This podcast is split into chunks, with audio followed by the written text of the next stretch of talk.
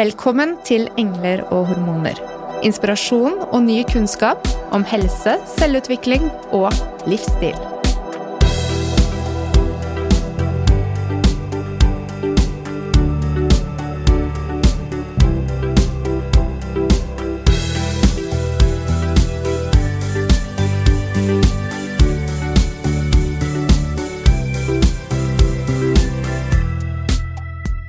Mat og ernæring. Spørsmålene omkring temaet er mange.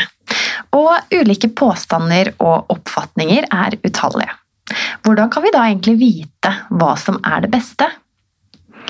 I denne episoden ønsker vi å vise åpenhet for trender og ulike dietter, men vi må ha en viss grunnkunnskap i bunnen og ikke la oss rive med og få mangelfull forståelse omkring hva som er sunt og usunt. For veien til et forvridd forhold til mat er kort. Dietter, supermat, tilskudd, prosessert mat, raw food, mat for miljøet, mat for gleden, gløden og kosen, mat for Instagram og mat for småbarnsfamilien. Hva skal vi egentlig spise? Og med oss i studio så har vi klinisk ernæringsfysiolog og ikke minst forfatter Mari Eskerud. Hjertelig velkommen til oss. Tusen takk. Kan du fortelle oss litt mer om deg? Det kan jeg gjøre. Jeg heter eh, Mari og er um, utdanna klinisk ernæringsfysiolog fra Universitetet i Oslo. For um, det blir fem år siden nå, tenker jeg. Ja. Så ikke helt nyutdanna lenger. jeg jobber til daglig med medisinsk ernæring i et firma som heter Nestlé Health Science. Uh, og før det så har jeg jobba på sykehus med irritabel tarm mest. Det er også det jeg har skrevet bok om, da, som du er så snill å ta opp. Eh, og så driver jeg og pludrer rundt på, på, sosiale medier og prøver å være litt ernæringsinfluenser, hvis det er lov å si. Det tror jeg absolutt er lov å si, og det er jo litt av grunnen til at du er her i dag òg. At vi kom over deg og bare wow! Dette passer jo helt perfekt. Så gøy. Et friskt pust. Eh, også noen som er direkte, og ikke minst at du hadde noen poster som traff oss. da, På et sted der vi kanskje våknet litt.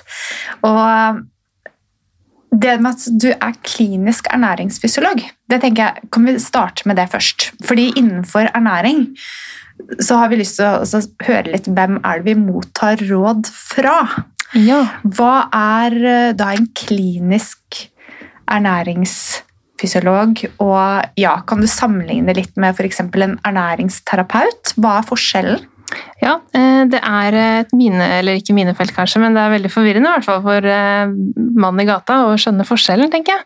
Eh, så klinisk ernæringsfysiolog det er på en måte den beskytta tittelen som fins innen ernæringsutdannelser eller ernæringsprofesjonen. Og den får du etter å ha gått profesjonsløp ved et, ja, et av tre universiteter i, Oslo, i Norge. Da. Universitetet i Oslo eller Bergen eller Tromsø nå. Og det er plassert på medisinsk fakultet. Sånn at de den masteren gir en autorisasjon som helsepersonell. Så Det er på en måte hovedforskjellen på den. Så Det er kliniske ernæringsfysiologer, eller KEF for kort, som er enda mindre innarbeida, men mm. er en veldig lettere måte å si det på. Mm. Eh, som jobber på sykehus da, og behandler eh, personer med eh, sykdommer som påvirker ernæringsstatus. Som sondemat kan være intensiv, eller intravenøs ernæring kan være diabetes og, og sånne litt mer kliniske problemstillinger, da, rett og slett. Eh, og så er det jo ganske mange som har en bachelor i ernæring. Eh, og de kaller man egentlig bare bachelor i ernæring, så vidt jeg har skjønt. Eh, og så er det ernæringsterapeut og ernæringsveileder og kostholdsveileder og alle de typer titlene, og de er det ikke egentlig noe sånn ensretta eh, Ja, det er, det er ikke noe hva skal man si, felles uh, utdannelse, kan man si. Så det kan være alt fra helgekurs til uh, ja, et årsstudium eller et deltidsstudium eller sånn type ting. Jeg har sett at uh, kostholdsveileder på NIH det var et helgekurs. Mm. Mm. Det kan være. Typisk sånn som man gjorde det som personlig trener og for å lære litt mer. Mm. Men veldig stor forskjell. Og og det tenker jeg, også Når vi skal stille spørsmål om helsen vår og mat, så er det, det er veldig viktig å vite hvem er det vi stiller spørsmålene til. Mm. For å få gode svar. Ja, og den du stiller spørsmålene til, må på en måte også ha et litt reflektert eh, forhold til egen begrensning, da. For det er jo ganske stor forskjell, som du sier, på et helgekurs og på en femårig mastergrad. Selv om man kanskje ikke får det inntrykket alltid. Nei, kanskje spesielt ikke på sosiale medier, eller? Mm, Det vil jeg tro, ja. Ja, eh, fordi um, eh, mange spør jo helsearbeidere, altså folk som jobber i helsevesenet, om kostholdsråd. Og det, det er noe vi snakket om før vi kom inn Mm. hit i dag, er at vi får veldig mange spørsmål om kosthold når vi jobber med muskel-skjelettproblematikk. Mm. Eh, og eh, nå er vi så heldige at vi har eh, dyktige kliniske ernæringsfysiologer og hatt det i teamet vårt, og vi vet at vi kan sende videre. Men det er jo veldig merkbart at de fleste henter inspirasjonen sin fra Google, Mm. Instagram, ja, influensere. Er dette en utfordring i dagens samfunn? Ja, det tror jeg er en utfordring i dagens samfunn på veldig mange fagområder, egentlig.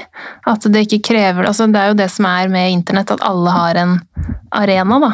Eh, og så handler det ofte mer om hvor, i hvert fall, eh, hvor flink du er til å ta pene bilder, hvor eh, stor eh, påvirknings- eller utslagskraft du får, da. Ikke egentlig hvor mye kunnskap det ligger bak.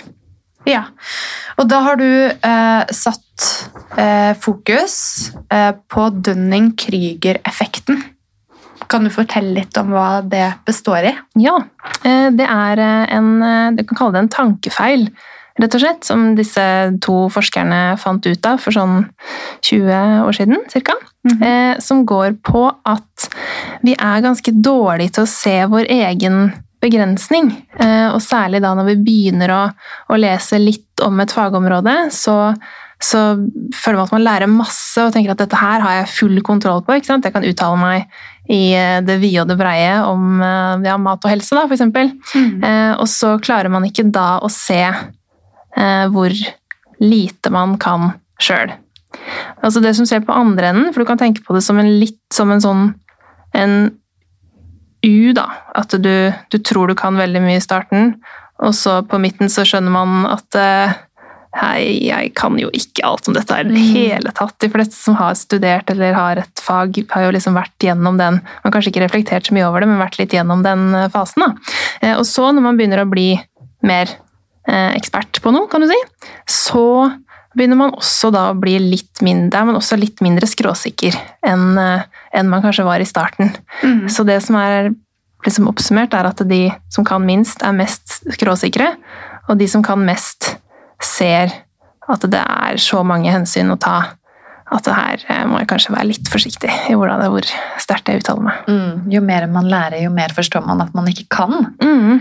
Eh, Og jo flere spørsmål er det som stiller seg. Men eh, kan ikke du fortelle oss liksom hva dine tanker er da, rundt eh, ja, f.eks. influensere og sånn på sosiale medier, når det kommer til den ernæringsbiten?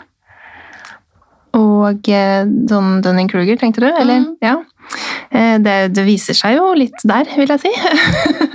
Men det, man kan jo egentlig tenke på det på alle fagfelt også, enten man er elektriker eller ingeniør eller hva det skulle være. At hvor mye man Man innser jo hvor, hvor lite andre kan om ens eget fag, og, eller korona, for den saks skyld. da. Hvordan vi alle var eh, eh, smitteverneksperter her i midten av mars. Eh, Selv om de jo åpenbart ikke var det. på en måte. Mm. så jeg tenker det, det er overalt, og alle gjør det, liksom, på et eller annet, eller har den tankefeilen på et eller annet fagfelt. Men definitivt veldig synlig på sosiale medier, ja. Mm. Hva slags effekt tror du det liksom har på oss som samfunn? Ah, det er et stort spørsmål. Det er et stort spørsmål. Det er jo, det er det, jeg tenker det er det som er ulempen med internett. Mm. Eh, Den fordelen er jo at alle kan få en arena, og kan få, man kan få spredd meninger på en annen måte enn man kunne før, når det liksom var eliten, da, som i hermetegn, som bare hadde den muligheten. Nå kan alle det. Eh, Og så er det mye vanskeligere å på en måte vekte de eh, meningene eller eh, rådene man, man kommer over, da.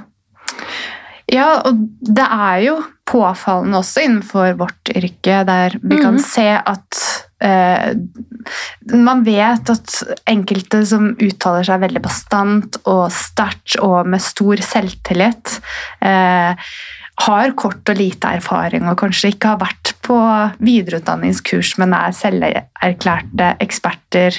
Eh, nesten fra Ja, ikke sant? Mm. Eh, så, så vi ser jo det, men vi ser også utfordringen med å lese det når ikke man er i fagmiljøet. Og vi er jo ikke ernæringsfysiologer, eh, så for oss så merker jo vi at vi blir påvirket Mm. av sosiale medier når det kommer til kosthold og ja, hva å velge hva er sunt. At vi blir litt med i dette dragsuget da, av nye trender. Ja, så ærlig må vi få være. Ja, jeg tror det er kjempeviktig, for jeg tror alle egentlig kjenner litt på det. Kanskje ikke en som er klinisk ernæringsfysiolog selv, men, men, Nei, men Det eh, blir jo motsatt litt for meg, da, fordi deres fagområde er jo også litt sånn, det ligger jo litt på siden av mitt, og jeg kan jo litt om kroppen, men jeg Mm. kan jo ikke egentlig så veldig mye. Jeg får litt sånn spørsmål om trening og sånn også på sosiale medier, faktisk, som folk bare antar at jeg kan det, men jeg kan jo egentlig ikke noe mer enn at jeg syns det er ålreit å trene. verdien av å jobbe tverrfaglig. Ja. Mm. Men um, er det eh, underbevisstheten vår som styrer oss da inn i valg av enkelte trendprodukter? At vi blir altså, gradvis eksponert for noe gjennom sosiale medier, og så føler vi da at dette er det vi må ha for å være sunne.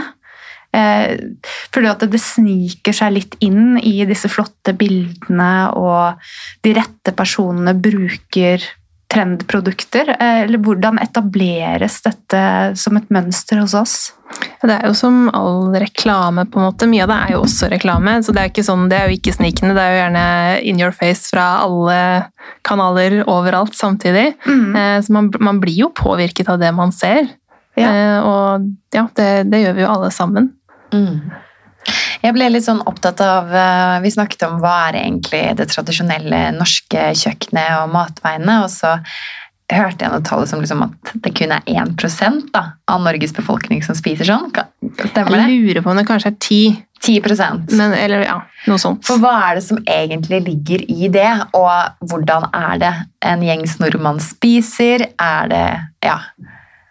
Liksom Det er et veldig vanskelig spørsmål, egentlig. Vi har jo noen sånne nasjonale kostholdsundersøkelser, eh, og litt sånn man ser på ja, forsyningsdata og salgsdata og litt sånne ting eh, legges fram en gang i året. Det begynner å bli en stund siden nå, tror jeg, så jeg husker ikke akkurat eh, hvordan det er. Men det er jo det som er litt sånn For oss som fagpersoner, da, så ser vi jo på de tingene som du sier, at det er bare 10% omtrent. La oss si at det var det, da. som på en måte etterlever kostrådene. Og så er det jo det vi er opptatt av. Ja. sant? Det er jo der gevinsten i befolkningens helse ligger, i å få flere til å spise mer eh, frukt og grønnsaker, mindre sukker og fine kornprodukter og disse her tinga, og mindre bearbeida kjøtt og alt, alt det her. Mm. Det er det som på en måte gir gevinst. Det er jo ikke om man bytter ut eh, Hva skal vi si Én olje med en annen olje, eller liksom putter eh, goji bær på et eller annet istedenfor å putte rosiner. Altså, det er på en måte ikke det som har noe betydning. Mm, det er ikke det som eh, Ja, nei, jeg skjønner. Men tror du at vi ser på den type kost som litt sånn kjedelig? Ja, det tror jeg. Og jeg tror på en måte man legger det fram, og så er det litt sånn, det er statens kostråd. ikke sant? Så er det sånn, oh, staten. Og så ser man jo for seg på en måte sånn politikere fra 80-tallet omtrent, ikke sant? som har sittet og I grå dress. ja, som har sittet og liksom skrevet ned dette her. Um, og men selv om Helsedirektoratet gjør jo en innsats, en god innsats vil jeg si, med å lage fine illustrasjoner og kampanjer og sånn som gjør det litt stillere, stiligere, da. Men eh, jeg tror definitivt eh, de har et imageproblem. Ja. Mm. Er det vår eh, iver etter å være litt annerledes og liksom tørre å gå litt motstrøms? Men så viser det jo da tydeligvis eh, undersøkelser at ja, det ikke er så mange som da følger disse kostrådene. Nei. Men du nevnte rosiner og gojibær. Og da har jeg lyst til å bare segwaye over på supermat, egentlig. For det er jo en, en sånn type trend som vi får presentert gjennom ulike former, egentlig. Eh, Hva er egentlig supermat? Supermat er et eh, markedsføringsbegrep, Ja. egentlig. Det er ikke et faglig begrep på noe som helst måte. Det, det er ikke noen kriterier på en måte som ligger til grunn for hva som er supermat og hva som er eh, annen mat. Så det er, det er markedsføring, rett og slett. Ja, for det, det høres jo ut som om hvis det ligger to pakker da, med bær ved siden av hverandre, og den ene står supermat, masse eh, antioksidanter, Mm. så er det lett kanskje å gå for den, for det Mm. høres jo veldig bra ut. Um, men hva er da egentlig antioksidanter, som er en av de tingene som ofte det er mye av i supermat? Ja, det er vel liksom et av kriteriene i hermetegnen igjen på, på hva som er supermat. Ja. Eh, antioksidanter er plantestoffer, eller plantekjemikalier, kan du si, hvis det, det er lov å si kjemikalier, det er det det er faktisk, eh, som eh, bidrar til å bremse oksidasjon da, i kroppen, altså antioksidasjon. Og oksidasjon er betennelse, det er på en måte en, en del av eh, si, aldringsprosessen og en del av en del sånne mm, livsstilssykdommer som vi sliter med, som diabetes og overvekt sånn. Så et kosthold rikt på antioksidanter er fint eh, og kjempebra. Eh, Og når man fant ut av det for eh, om det er 15-20 år siden det også, at antioksidantene hva de var og hva de gjorde, eh, så hadde man veldig sånn trua på at dette er This is it, liksom. Nå har vi Dette kan vi jo bruke. Mm. Og så gjorde man forskning med, med tilskudd og sånn med høye doser antioksidantpiller, og da fant man egentlig ikke at det hadde noe effekt. Og for noen så var det skadelig også, faktisk. De fleste man kan gjengi inn i et sånt en sted. Og eh, E-vitamin, tror jeg det var, i, eh, i Finland, eh, mener jeg.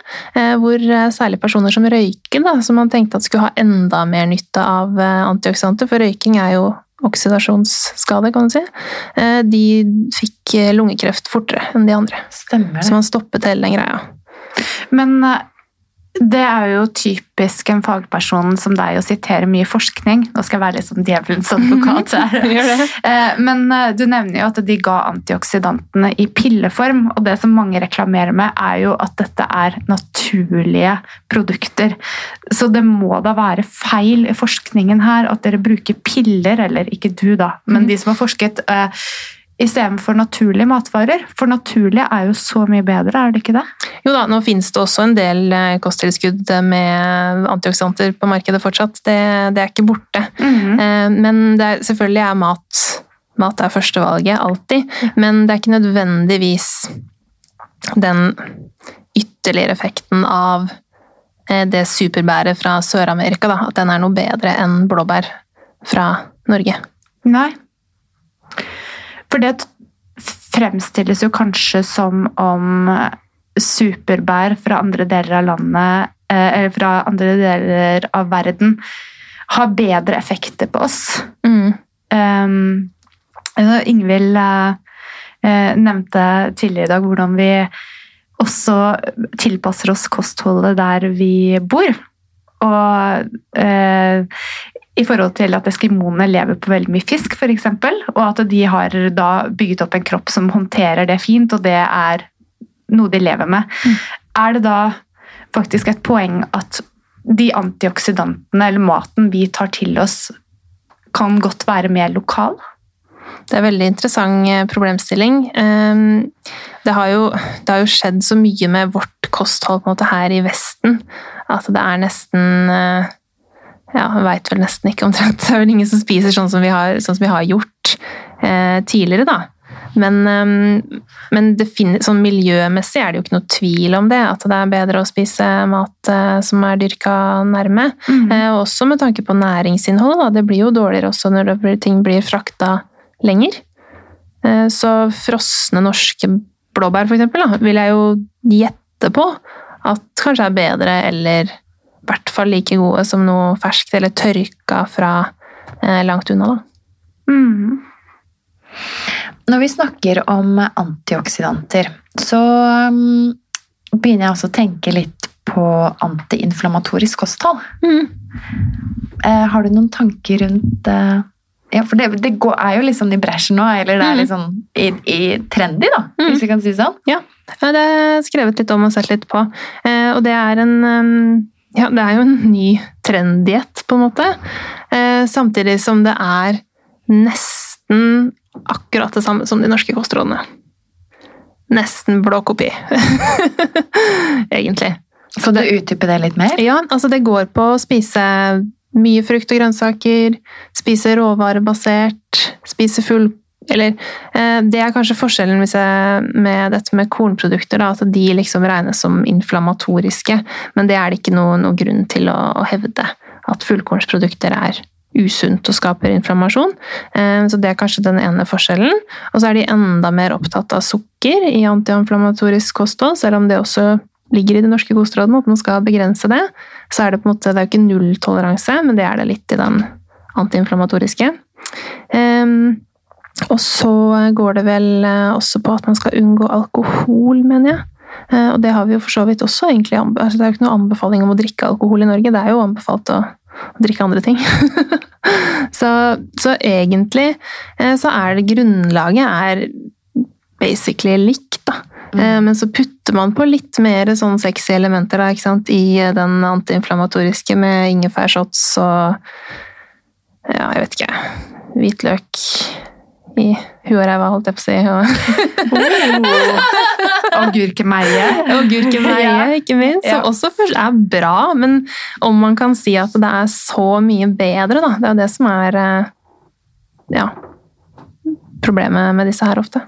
Ja, for er er det da et problem med disse diettene, siden de egentlig er såpass bra? Jeg tenker Problemet er at det skaper indirekte en mistro til de offentlige rådene vi har. da. At det er sånn, dette er noe nytt, og dette er helt annerledes, og dette er liksom sånn må vi spise. Når det er sånn, ja, men kan du sitte på Helsedirektoratet og rekke opp hånda og være sånn, jo, men det har vi anbefalt i overskuelig tid. på en måte. Ja. Eh, så det tenker jeg er et problem med det. Eh, det er jo kjempebra hvis det får flere til å spise sunt og, og bra. Det er det jo.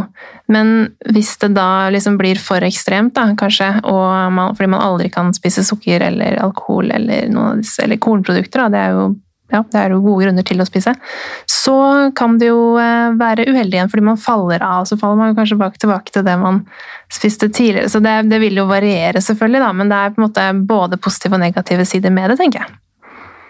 Ja, for i bunn og grunn, akkurat den dietten, da, hvis den er bra, mm. så vil det jo kanskje hjelpe eh, å dra i samme retning som kepperne.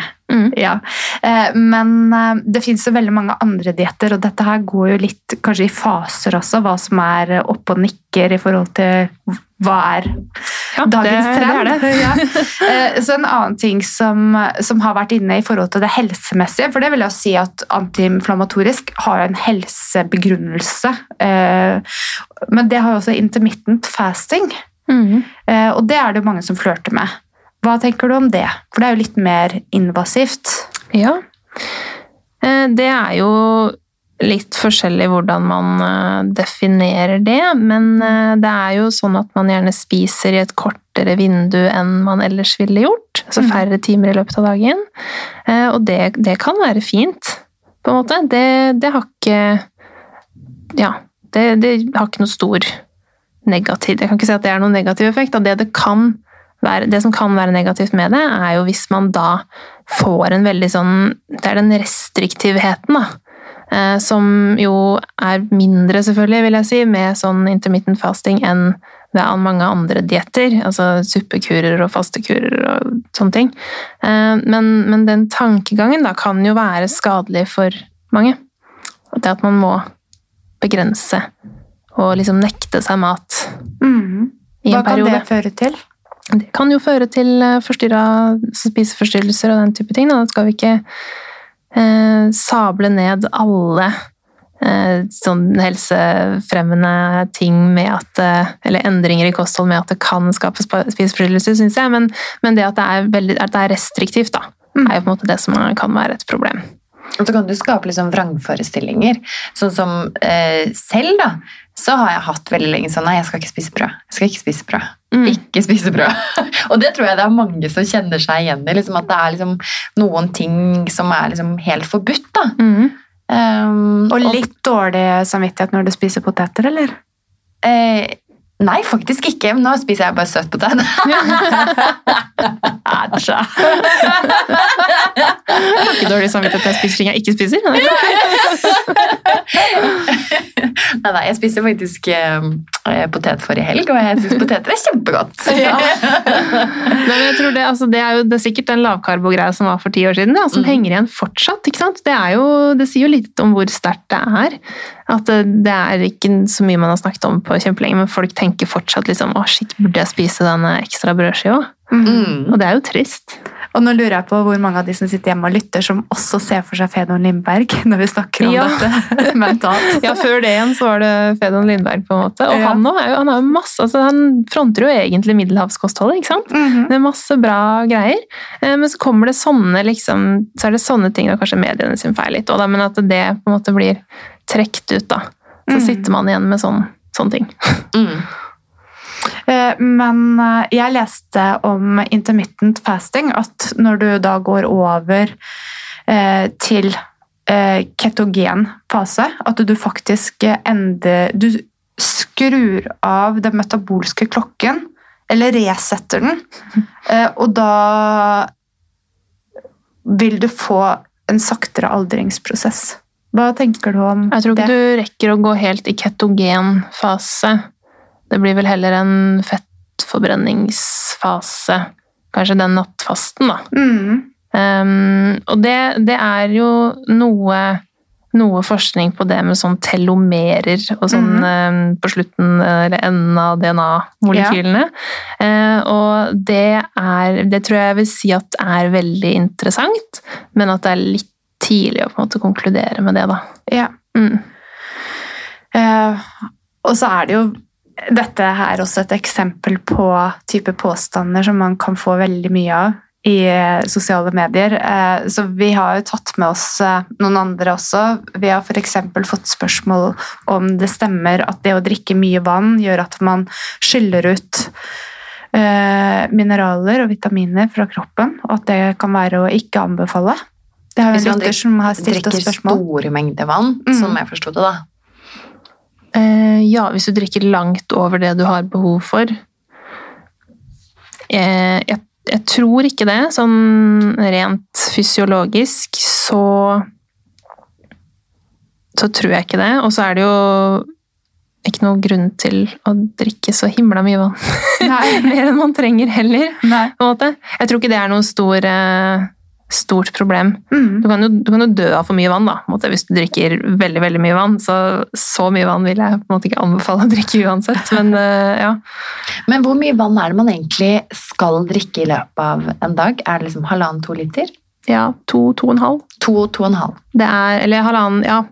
Halvannen og så vann, og så vann fra mat i tillegg, da. Så si kanskje ja, si to liter, da, for eksempel. Jeg tror det er mindre enn eh, enn de fleste tenker, og det er væske, da. Ikke nødvendigvis vann, det er vann som på en måte er anbefalt, men det gjelder jo andre, andre ting også. Så brus eller te eller kombucha, som du drikker her. det teller med, det òg. Ja, så bra. Jeg tror mange har litt sånn vannpanikk òg etter, etter, etter at flaskevannet kom, tror jeg det kom mye fra. Det er jo ikke så mange år tilbake før vi ikke kjøpte vann på butikken. Mm. Og så ble det sånn at så må du på en måte fylle på med vann bare du skal ut av døra. Og det er, det er ikke så kritisk. Nei. Eh, men eh, vann eh, og um, rensing eh, Sånn som denne lytteren var inne på, da, at man renser ut ting, så bruker man også rensekurer.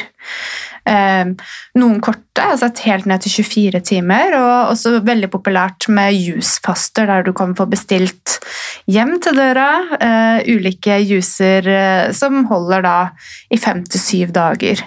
Eh, med fantastiske naturlige ingredienser, masse antioksidanter, og du får da renset systemet ditt. Mm. Eh, hvordan fungerer dette? Hvis du tar hele det konseptet med rensing eller detox, da, som for så vidt heller ikke er et eh, medisinsk begrep sånn i den forstand det brukes, eh, så er det, det er helt feil. Helt feil. Det det finnes ikke et element av sannhet i at det kan skje. Nei, altså hvis du bare drikker vann eller juice eller noe sånt, så får du jo på en måte du får jo tømt tarmen, da, kan du si. Ja. Når du ikke fyller på med ting som fiber og proteiner og det som måte danner innhold i tarmen, skal si det litt pent. Um, så det, det kan man jo, og det kan jo føles sikkert at man føler seg lettere eller litt sånn, ja. Men dette med å rense lever og nyrer og diverse organer ved å drikke ting, det er uh, helt på feil jorde.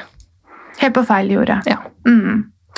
Så da å kjøre på med olivenolje, grepfruktjuice og Himalaya-salt for å rense ut steiner fra lever og galle, det har ikke noen effekt. Hvis du har steiner i leveren, da må du Nyre, tror jeg. Nyre, men det- ja.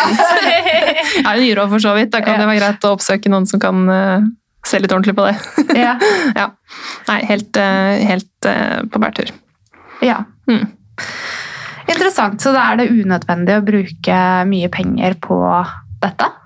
Det vil jeg si, og med, med jus og sånn også, det, blir jo, det blir jo en veldig sånn restriktiv sak. Mhm. Altså man kan, man kan jo skjule forstyrra spisemønster bak sånne ting også, på en måte som er mer sånn sosialt akseptert, da, i hvert fall enkelte steder, Mm. tenker jeg. Uh, og um, uh, jus også er det vel ikke sånn helt enighet om hvor Altså, jeg, jeg drikker ikke så himla mye juice. Jeg drikker litt juice til, eh, til eh, frokost i helgen, på en måte, men jeg syns jo smoothie er et mye mer sånn næringsrikt og fornuftig konsept enn å presse ut og kaste fibre og de næringsstoffene som måtte henge igjen i fibre. Da. Så personlig er jeg ikke noen sånn kjempefan av den juice-trenden heller. Nei. Men når du sier det på den måten, så føles det nesten litt trist. Å kaste bort gode Ja, man Fiber. kan jo liksom ta vare på det, men gjør man Ja, man kan jo det, men det er Mm. kanskje ikke så vanlig å gjøre. Men eh, dette med Jeg vil liksom ikke slippe helt den rensingen, for jeg, jeg har ikke lyst til at dette her skal være en lettvint forbigåelse av det. Fordi mange opplever nå da, når de leser dette, at de har lyst til å rense kroppen. Så kan du bare si litt mer om hva skjer i kroppen rundt det å rense seg selv, på en måte, og kan du trygge oss på at de prosessene er nok for oss?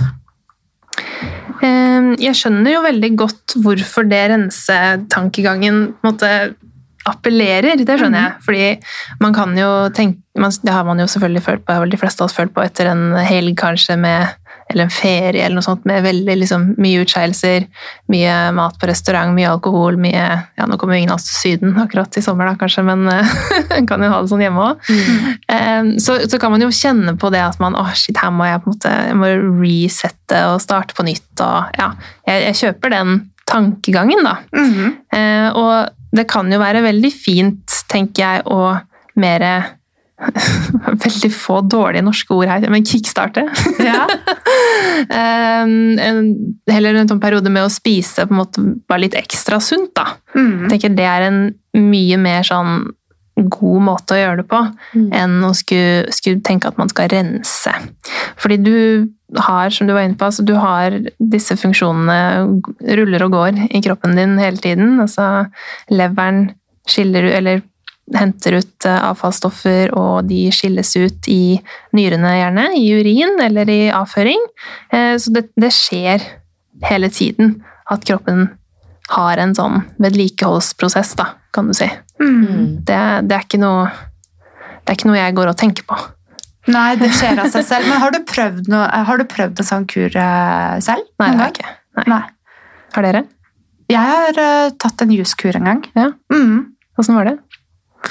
Eh, jeg syns at det er et hassle å lage all jusen selv, eh, men eh, jeg syns at det er kjempegodt med litt sånn tykkere juicer og følte meg mett og egentlig ganske mye energi etter tre dager. Mm.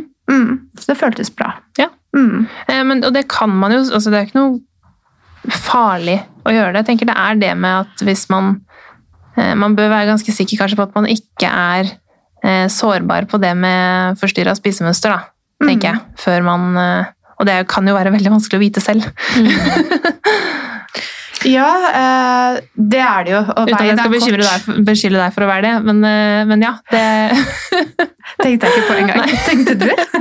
nei, jeg bare på sikre siden her. Ja. Eh, nei, jeg, jeg syns det er litt interessant innenfor yoga, som jeg videreutdanner meg i nå, så, og kundalini, så er det en tradisjon for at man skal holde seg til én type matvare i en lengre periode av tid. Og for meg så er det Jeg har ikke prøvd det, også, men eh, det kan være litt morsomt å av og til endre vaner. Mm. Bare for å kjenne at du bryter opp et mønster. For av og til så kan jeg ha litt lett for å havne i en vane der jeg spiser det tilsvarende nesten det samme Mhm. dag ut og dag inn. Da. Eh, Så hvis man skal reflektere over ja, Ta en liten pause, og så liksom Ok, hva er det egentlig jeg trenger? Mm. Eh, Så syns jeg selv at det har vært ja, interessant. Ja, Det bryter opp et mønster. Mm. Mhm. Men uh, jeg ser jo at ikke det er noe å anbefale av helsemessige årsaker fra ditt perspektiv. Nei, men så er det jo En ting er jo på en måte kroppen, hva kroppen trenger, og så har du jo hva hjernen trenger mer, kanskje, eller hva vi føler at vi har behov for. Da. Og Som du sier, å, å endre på ting er jo Det er jo helt fint å prøve å ja, lære seg hva man, eh, hva man syns er ålreit, og hva man syns fungerer. Det er jo det er mye rart innenfor kosthold og yoga, har jeg inntrykk av. Også, så. Ja, Vanskelig å gå inn på fordi det er så Ja. mange ulike retninger av Ja. yoga.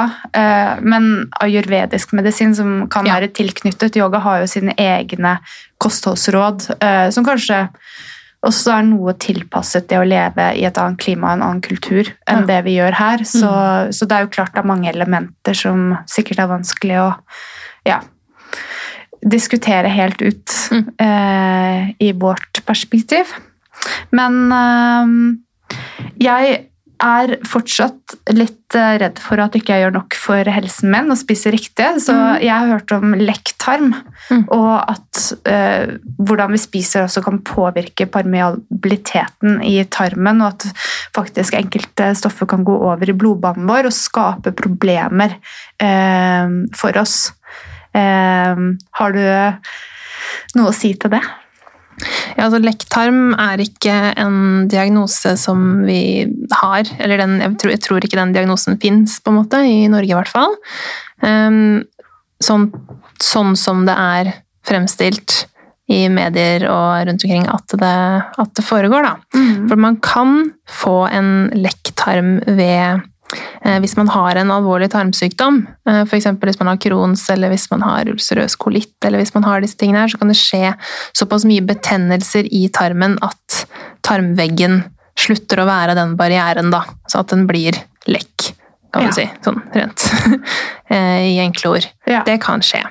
Eh, Det er ganske farlig. Det er ikke noe, det, det må man liksom, da må man inn og fikse tarmen Ja. med eh, legemidler, gjerne. Eller hvis den er helt skadet, så kan det hende man må fjerne deler av tarmen også. Eh, Så den lekk-tarm-diagnosen som eh, gjerne alternative medisinpraktikere snakker om, den, den har jo veldig mange overlappende symptomer med IBS, altså med irritabel tarmsyndrom, som jo er en veldig vanlig tilstand. Eh, Jeg vet ikke, nå, det vel, De snakker vel om, liksom, om fatigue, og de snakker om ubehag i tarmen sant? og luft og sånne ting. Jeg vet ikke, Er det flere Eh, inntrykk at er litt sånn type fogginess, lite energi Ja. Eh, ja. Ja.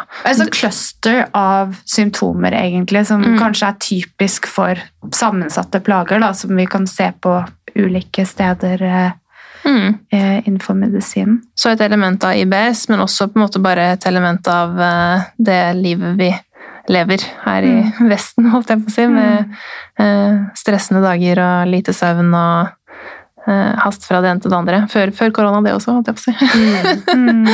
tror jeg. Så, så jeg, eh, jeg tror ikke så mange har lekt harm som de kanskje som man har fått beskjed om av eh, enkelte steder. Jeg ville ikke vært bekymra for om, om du har det heller, med mindre du har alvorlig tarmproblem, da. Eller Mm. sykdom. Tarmsykdom. Fordi du sa alternative medisinere, eh, og Eller alternative behandlere, da. Ja. For er det ikke en del leger som jobber med dette, funksjonell medisin? Er det ikke innenfor eh, ja, medisinske yrker, i hvert fall i USA? Jo, det er i hvert fall Ja, det er ikke så mange her, tror jeg, men, eh, men jeg har skjønt at det er en trend i USA, ja. Mm. Mm. For det høres automatisk litt mer eh, troverdig ut når det kommer fra leger. Og så er det vel en del testing som innebæres eh, innbefattes i denne diagnostikken, og eh, testingen skal gjøres i laboratorier og rekvirert fra lege osv. Så, videre. så Så så da får man automatisk inntrykk at, at det kommer fra et sted der man ja, vet hva man snakker om. Da. Mm. Slik jeg har skjønt det, så er det ikke noe um, gullstandard, kan du si, da, som det heter innen diagnostikk på, med tanke på lekktarm. Mm. Det, er, eh, det er litt vanskelig.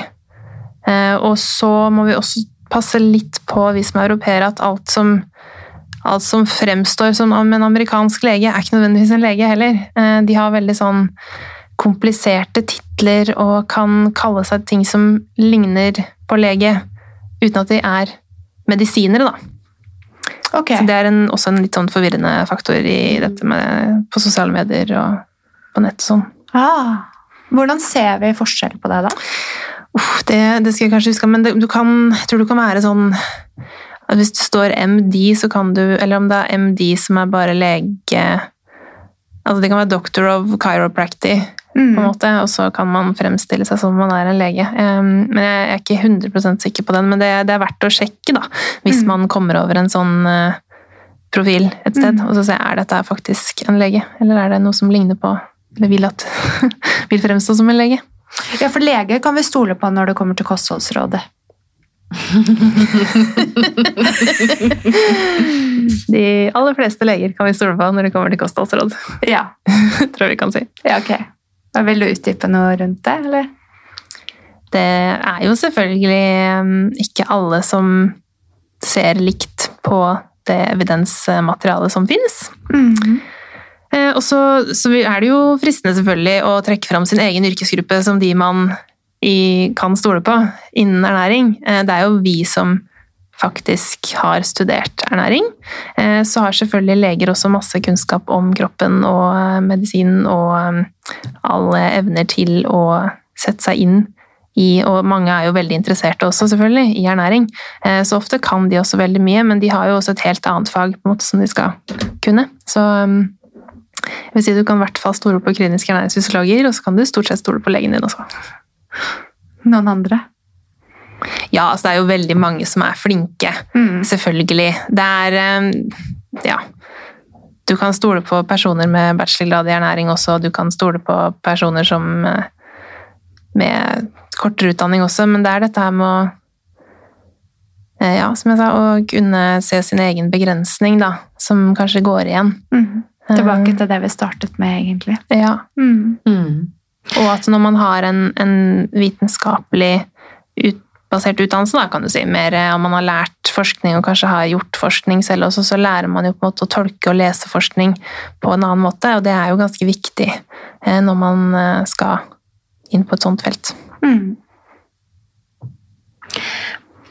Mange av disse trendene eh, baseres jo på, produkter som koster masse penger, og som ikke er da nødvendigvis tilgjengelig for alle. Eh, og så kan man føle at man faller utenfor ved at man faktisk ikke har økonomien da, til det som i anførselstegn er å leve sunt. Um, har du noen liksom, tips til hvordan vi kan eh, spise sunt på, kall det budsjett, da? Er det liksom noen Jeg så du hadde en post på Instagram litt rundt det. Mm. Ja, jeg syns det er ganske viktig å, å ta fram, fordi det skapes av og til da, et inntrykk, som du sier, at man må ha veldig sånn dyre spesialting for at det skal være sunt nok. Mm. Og det er veldig trist, fordi du finner veldig mye gode råvarer i butikkene, rett og slett. Eh, Du trenger ikke alle disse fiks-faks-greiene. Og det går jo mye på ja, Ofte er det jo sånn dyre sånn pulver og sånne ting, sant? som man jo ikke trenger. Ingen trenger pulver av Enten det er fra grønnsaker eller fra alger eller fra hva det er. Eh, så vanlige grønnsaker, frosne grønnsaker, er kjempenæringsrikt. Det er ikke alle som tenker at det er det, men, men frossent er veldig bra, for det fryses kjapt, og det fryses på en måte rett fra, fra jordet. Da. Eh, så det er ofte mer næringstett enn det du finner ferskt. Mm. Så det er et kjempegodt alternativ. Um, og um, så trenger man jo heller ikke alt av sånn uh, halvfabrika Eller det er kanskje ofte Helfabrikata da, er jo egentlig ganske dyrt, Mm. så det trenger man jo ikke, gjerne. Og kanskje ikke så sunt. Nei, nei, stort sett er jo det mindre sunt enn det man lager sjøl, men man kan lage mye usunn mat fra bunnen av også, selvfølgelig. Mm. Det er gjennomførbart, men ofte så vil det jo bli, bli sunnere hvis man, eh, man lager det sjøl. Mm. Eh, og vanlige altså fullkornsprodukter og sånn, som ofte blir litt sånn demonisert at man trenger eh, sunnere med glutenfritt, eller sunnere med eh, sånn og sånn type superkorn, det er heller ikke noe man det ville stressa med. Jeg spiser vanlig eller jeg er jo heldig da, som, som tåler måte, sånn i magen vanlig hvetemel og fullkornsmel, så det er, det er helt eh, supert. Det er mer næringsrikt enn folk tenker. Mm. Også antioksidanter og sånt i, i fullkorn. Um, ja. Hva mer skal vi si, tru? Eh, Jeg, jeg tenker eh, kjøtt, jeg. Ja. For det er mange som er opptatt av nå. Mm. Eh, og kjøtt, ja, nei. Kan vi starte der, kanskje? eh, ja, litt. Ja, litt. og kvaliteten på kjøttet, er det stor variasjon i kvaliteten på kjøttproduktene vi får kjøpt i Norge? Altså, norsk kjøtt er jo veldig bra, Mm. vil jeg si. Eh, og så er jo på en måte anbefalingen at man spiser så lite bearbeida kjøtt som mulig. Eh, og det er jo dyrere ting, ikke sant? Altså rene fileter og sånn er jo dyrere enn pølser som er blanda inn mer fett og sånn. Eh, men da er det jo kanskje viktigere å tenke på det å spise litt, da. Mm. At man har kjøttet mer som en, eh, ja, en del av måltidet enn på en måte hovedattraksjonen i måltidet. Eh, Mm. At man har kjøtt mer sånn på siden. Det kan være, vi spiser jo, i hvert fall norske menn spiser jo egentlig mer kjøtt enn det som er anbefalt. Så, så det er definitivt også kostnadsbesparende da, å bruke mer grønnsaker og mer grove karbohydrater, og kanskje belgvekster og eh, ja, erter og bønner og, og linser og sånn, som eh, også er veldig prisgunstig, da. Mm.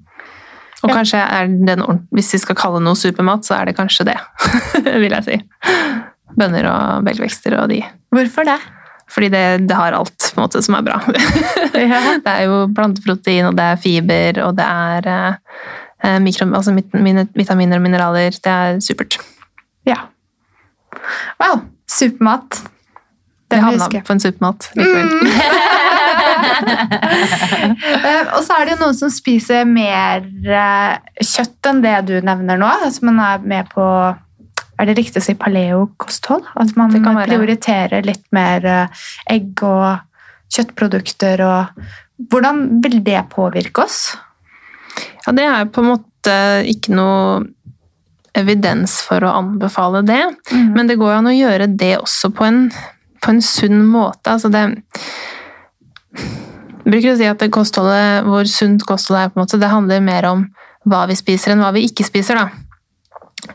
Sånn at eh, du kan jo spise du kan, En vegankost, for, eksempel, da, for å bruke det som eksempel, kan jo være både kjempesunn og veldig usunn. Mm. Så du kan jo spise i utstrekning Er ikke cola vegansk? Altså cola og pommes frites kan du jo spise mye av i løpet av en dag, hvis du vil. Og det er fortsatt vegansk, men det er jo kanskje det verste kombinasjonen hvis det, hvis det er basisen i kostholdet ditt, for å bare gjøre det litt sånn ekstremt. Mm. Eh, Så, så en paleokost også kan jo være grei, men sånn, hvis du tenker sånn miljømessig, sånn, så er det jo på en måte ikke noe grunn til å, å spise mer av de animalske produktene, tenker jeg. Mm. Så det er eh, også da inne i, når du gjør en vurdering på kosthold, så tenker du på miljøavtrykket. Prøv, ja, vi har ikke vært så flinke til det i Norge, og jeg synes også det er, det er et emne jeg ikke er ekspert på, da, for å si det mildt. Eh, Men sånn Det er jo sammenfallende. Altså å spise mer, mer grønt og lavere i næringskjeden og mer lokalt også, da, Mm. er jo en del av det. Mm. Uten at jeg skal gå inn i det helt sånn, mest tekniske på det. Mm. Det virker som for meg, da, Mari, det er at når du eh, får i møte med ulike myter om mat og kosthold, eh, når man kan støtte seg på de grunnleggende anbefalingene, så kan veldig mange typer kosthold passe inn under det, hvis vi er gode til å velge riktig. Stemmer Mm. det? Ja, absolutt. Innenfor muskelskjelett så er vi jo veldig opptatt av det å eh, kjøre et individuelt behandlingsforløp. Eh, for alle er jo ulike. Eh, og ja, ernæring og hvordan kroppene responderer på kosthold er vel også ganske individuelt. Definitivt. Altså, jeg har jo sittet noen år på sykehus og jobbet med irritabel tarm, eh, og det er, jo, det er jo helt forskjellig hva man anbefaler. Og jeg kan jo ha anbefalt eh, altså, eh, paleokost omtrent også mange ganger, holdt jeg på å si, når det er riktig for den enkelte. Mm. Og jeg tror ganske mange misser det i kommunikasjonen av kostrådene, da, at det er på en måte det er en, det er en basis, og det er jo til hele den norske befolkning, så det kan jo ikke treffe alle sånn på alle punkter. Eh, Men, eh, men det er et veldig godt grunnlag da, Mm. for å bygge opp sitt eget eh, individuelt tilpassede sunne kosthold. Ja. Og at det er åpent for å eksperimentere dersom man ønsker det, men at ikke nødvendigvis det er um, danner et grunnlag for en forvridd forståelse av hva sunn og usunn mat er. For den veien er jo ganske kort. Ja, jeg tror det er det for mange, og særlig som du sier, når vi får det fra alle vinkler eh, hele tiden, så kan det bli veldig intenst. Så det ville jeg kanskje an, hatt som et råd, da, at man hvis man kommer over ja, har lyst til å prøve nye ting som kan være kjempebra, så man kan lage mer mat sammen med familien, sånn. Altså, det er jo bare positivt. Eh, Men også ta det som handler om helseeffekter og kanskje litt mer diffuse lovnader eh, med en klype salt. Kan være smart. Ja, fordi mat kan det være medisin? Eh, ja, det kan det jo absolutt. Ja. Eh, det kan det, men det er jo eh, heller ikke en erstatning for medisin, ikke sant? Det er Nei. jo litt det. Mm. Mat kan, kan være medisin, Ja. Og i hvilke tilfeller er det da viktigst å komme til en fagperson når man har eh, utfordringer med hvordan kroppen fungerer, og søker å løse det med mat? Er det, er det viktig for oss å bruke en ernæringsfysiolog for å virkelig komme på rett kjøl? Jeg tror veldig mange kunne ha godt av å gjøre den eh, lille investeringen det er i et eh, langt løp, holdt jeg på å si, å oppsøke. Dessverre så er det jo ikke så mange kliniske ernæringsfysiologer som jobber i privat, eller i, jeg mener i primærhelsetjenesten. Så det er jo litt vanskelig. Eh, Så har man en sykdom som gjør at man eh, må spise på en viss måte, eller trenger hjelp med kostholdet, så skal man jo egentlig få hjelp på sykehuset. Mm. Eh, Og da kan man jo be om å bli henvist til klinisk ernæringsfysiolog, men det er dessverre for få der også. Eh, Mm. Så det kan være tricky, men da tenker jeg i hvert fall at det kan være en eh, god investering å gå oppsøke noen privat. Da. Ja, for det, litt av utfordringen er jo faktisk at dere er vanskelig tilgjengelige. Og sosiale medier er så lett tilgjengelige. Mm. Og jeg får mye spørsmål fra folk som egentlig burde stilt det til en behandler på et sykehus. Ja. Mm. Dessverre. Hva skal vi følge med på fremover da, for å prøve å endre på den trenden? Er det din Instagram-konto, kanskje? Du kan jo starte der. Ja. Det går an. Vi hadde egentlig veldig lyst til å få frem at det finnes mange meninger, Mm. men at det går an å stole på det trygge før man går ut og eksperimenterer. Hvis du skal gi et råd til alle våre lyttere som er opptatt av kosthold, eh, og som har gjort tidvis store endringer i kosten sin, hva er det viktigste å tenke på når du skal tilbake til det som er det grunnleggende? Kan vi få en liten oppsummering av en dagsplan på hvordan et godt kosthold skal se ut fra en klinisk ernæringsfysiolog? Eh, da tenker jeg det er viktig å ha frukt og grønnsaker og bær som, som basis mm. i kostholdet. At man har det hver dag. Eh, Fem om dagen er jo rådet i Norge, men i andre land så anbefaler de opptil ti om dagen. Eh, Så fem om dagen er på en måte litt satt for at vi ikke skal miste helt motet her i Norge. Eh, Så det kan man spise mye mer av, og det vil være kjempebra. Så er det disse grove kornproduktene som vi er inne på, som er, eh, kan være en fin basis, om det er havregryn, eller om det er eh, brød, eller om det er surdeigsbrød, eller knekkebrød, eller hva det er. Eh, Og sunne fettkilder, som kan være nøtter og rapsolje, olivenolje, avokado, disse her tinga. Og så må man jo ha litt, eller man må ikke, men det er anbefalt man har litt meieriprodukter. Så enten meieriprodukter eller tilsvarende matvarer som gir de næringsstoffene. Og Også proteinkilder, sånn som ubearbeida kjøtt og fisk, og bønner og linser, og kanskje egg, eh, og kylling og de. Og det tror jeg var de fleste kategoriene. Ja. Tusen takk for at du tok deg tid til å være med oss i studio. Første studiotid etter eh, korona, så det var eh, veldig deilig å være her igjen. Takk for at du kom komme. veldig, veldig fint, Mari. Og ja, Jeg anbefaler deg absolutt å sjekke ut Mari Eskerud ernæring på Instagram. Og følge med på litt sånn Mythbusters. Busters, Og følg med på den dama som setter skapet der det skal stå når det gjelder ernæring. Samtidig som du er åpen for å snakke med oss som ikke kan så mye. Og til og med liker Kambodsja.